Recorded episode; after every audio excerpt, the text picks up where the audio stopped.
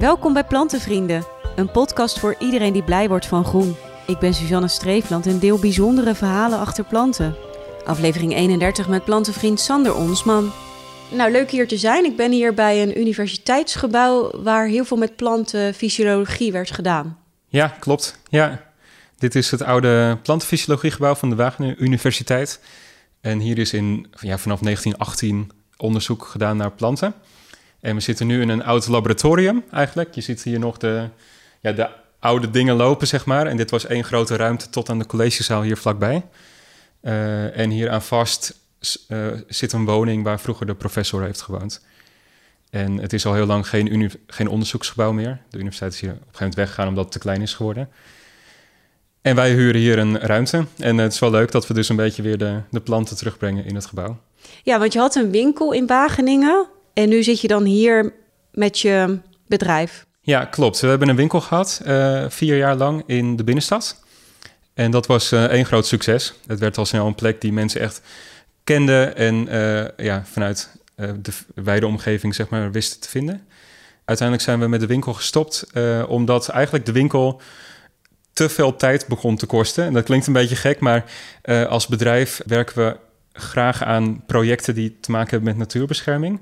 En we merkten dat, dat we daar geen. Ja, dat de tijd daarvoor ontbrak. En dat er heel veel tijd ging zitten in uh, het onderhoud van de winkel en het helpen van klanten. En het verkopen van planten. Terwijl we dus eigenlijk een zadenbedrijf zijn. En toen merkten we dat ja, die tijd maar één keer besteed kon worden op die manier. En uh, we vonden het zonde van de kansen die liggen op het gebied van natuurbescherming. En we dachten, dan gaan we eerst even terug naar de, de basis uh, van waarom ik ook ooit Onzaden ben gestart.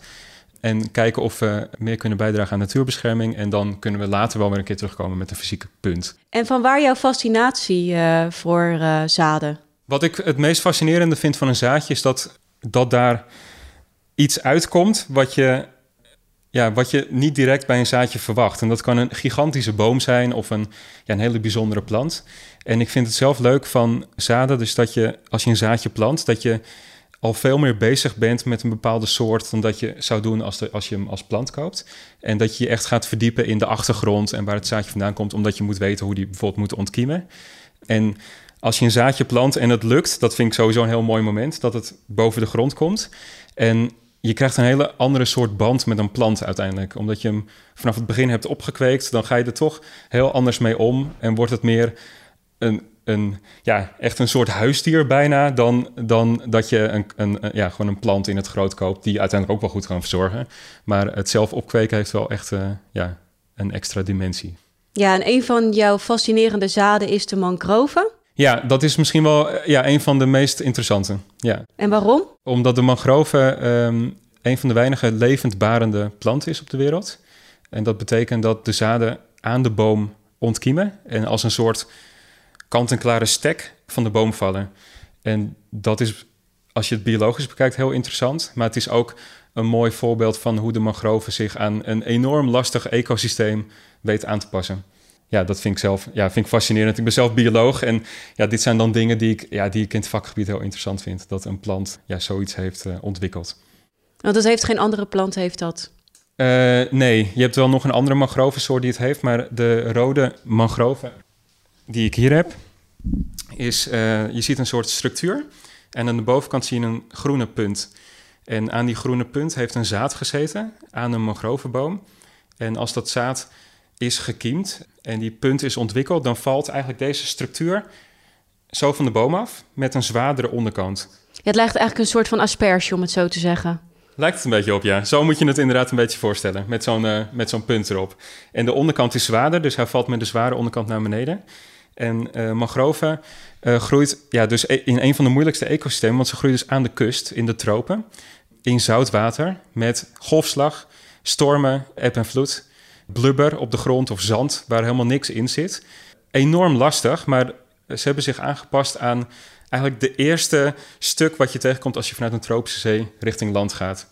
En als zo'n zaad op de uh, zeg maar naar beneden valt, dan hebben ze dus die ook een punt aan de onderkant, waardoor die eigenlijk in één keer in de zand of het blubber kan prikken. En vervolgens weer dus een meter richting zee bijvoorbeeld kan opschuiven.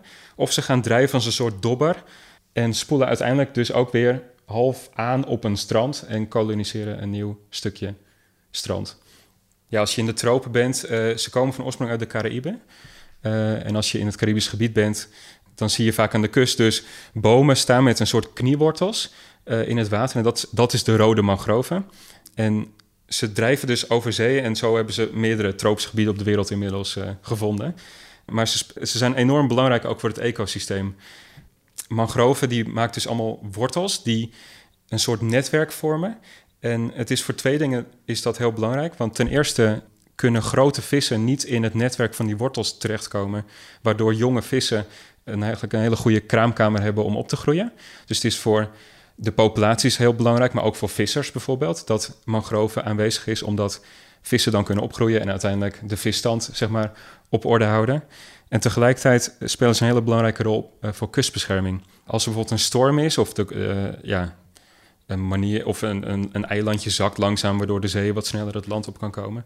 Uh, maar mangrove die breekt de golfslag. Dus je ziet bij kusten die mangrove hebben dat als er een storm is of een orkaan die, over, die overkomt, dan zie je dat de vloedgolven eigenlijk bijna niet het land opkomen. Dus dat de mensen erachter beschermd zijn, maar ook de natuur. Dus er, komt relatief weinig schade. Dus dat is, uh, dat is ook heel belangrijk. Maar wat je ziet bijvoorbeeld nou op, op eilanden als Curaçao, om er iets te noemen, is dat zo'n tropisch eiland natuurlijk hele mooie stranden heeft in potentie. En als je mangroven hebt, dan, dan krijg je een beetje een blubberige... Um, kust uh, met allemaal muggen. En je kan eigenlijk niet goed bij zee komen, want het staat helemaal vol met mangroven, met wortels.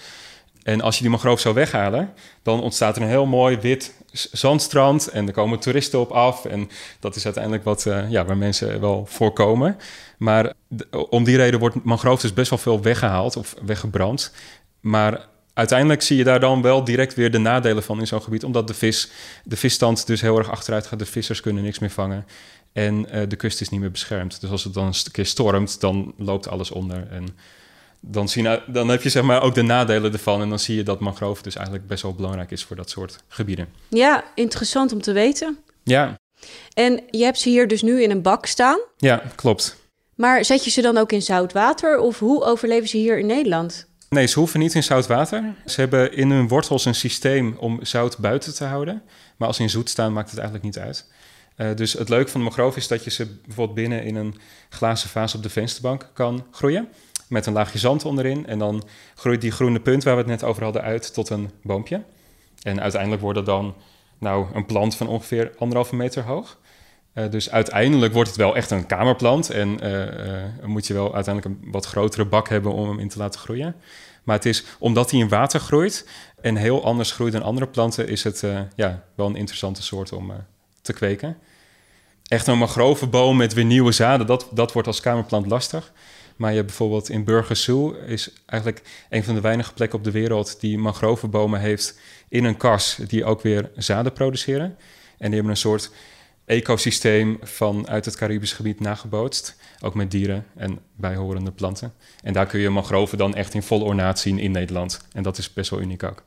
Want als je hem dus zelf gaat kweken, dan kan je hem niet alleen maar gewoon bijvoorbeeld in een vaas in een laagje water zetten. Dan moet je wel op een gegeven moment weer zand erbij doen. Dus aarde is ook niet nuttig. Je moet wel iets van substraat hebben. Dus dat kan zand zijn, maar in zand zitten heel weinig voedingsstoffen.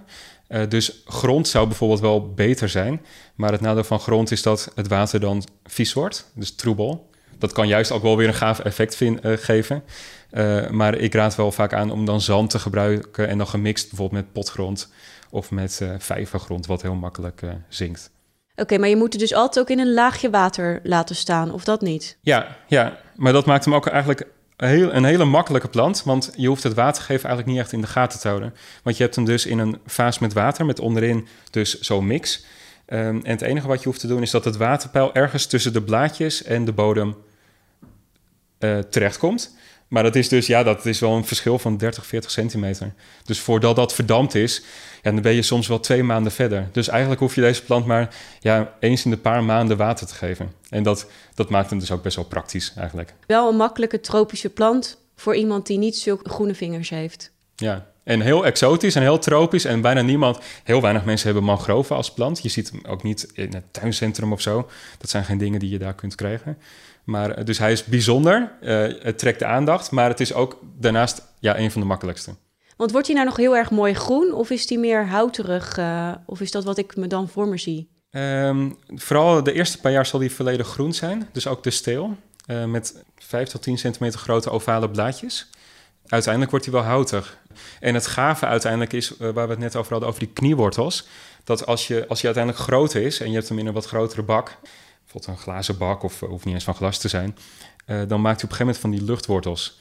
En dat maakt het uiteindelijk ook gaaf, dat je echt van die, ja, van die wortels uit de stam opnieuw de bodem ziet zoeken. Ja, heel erg mooi. En geef je ook een stekje voor de plantenbiep mee van de mangrove? Ja, ja je mag er een meenemen. Of, mee, of twee of drie. Ja. Je ziet dat sommige al uitlopen, dus dat het al bijna een plantje te noemen is. Uh, dus ze zijn goed op weg. En waar hoop je dan dat hij terecht komt? Zo'n stekje van jou? Ik vind het vooral leuk als mensen dit opkweken en uh, zich verdiepen in de mangroven en erover leren. Omdat mangroven een hele belangrijke plant is op de wereld. En uh, ja, mensen weten dat niet vaak. Maar ik denk als je bij wie die ook terechtkomt, als iemand een mangrove heeft staan, dan denk ik toch dat, dat je afvraagt van wat is dit precies? En dat je uh, alleen al door die vraag te stellen er meer over te weten komt en dat misschien ook weer vertelt aan anderen. En dat is eigenlijk ook jouw doel van je bedrijf? Ja, klopt. Ja, ik, ik vind uh, uh, het leuk om te laten zien wat voor planten er allemaal voorkomen op de wereld die we totaal niet kennen. Maar bijvoorbeeld in de tropen bekend zijn of ook zeldzaam zijn. En ik vind het belangrijk dat mensen dat in Nederland of Europa, dat ze daar in aanraking mee komen. Op een hele andere manier dan je zou doen met kamerplanten uit een tuincentrum bijvoorbeeld. En tegelijkertijd uh, vind ik het belangrijk om met het bedrijf dus bij te, dragen aan natuurbescherming. En probeer ik dus de personen die bijvoorbeeld dit soort zaden oogsten, uh, in dit geval deze komen van Guadeloupe. En er is iemand die er ten eerste een inkomen aan overhoudt. En daarnaast dus ook weer in aanraking is met natuur en daar al is het soms financieel, in ieder geval waarde ziet in de natuur om zich heen. En dan is mangrove niet eens het beste voorbeeld als je het daarover hebt, maar er zit bijvoorbeeld soorten in het assortiment die uit gebieden komen waar heel veel houtkap plaatsvindt en die ook met uitsterven worden bedreigd. En als mensen of lokale mensen daar die zaden verzamelen, dan krijg je een soort um, bewustzijn over die zaden. Uh, en dan krijg je vanuit de bevolking een soort ja, wil om het te beschermen. En dat is ook aan, aan de andere kant wat ik belangrijk vind. Dus in de tropen dat lokale mensen met natuur in aanraking komen en op die manier de tropen wat beter kunnen beschermen, omdat het op heel veel plekken heel slecht gaat. En anderzijds dus dat we in de westerse wereld daarmee in aanraking blijven komen.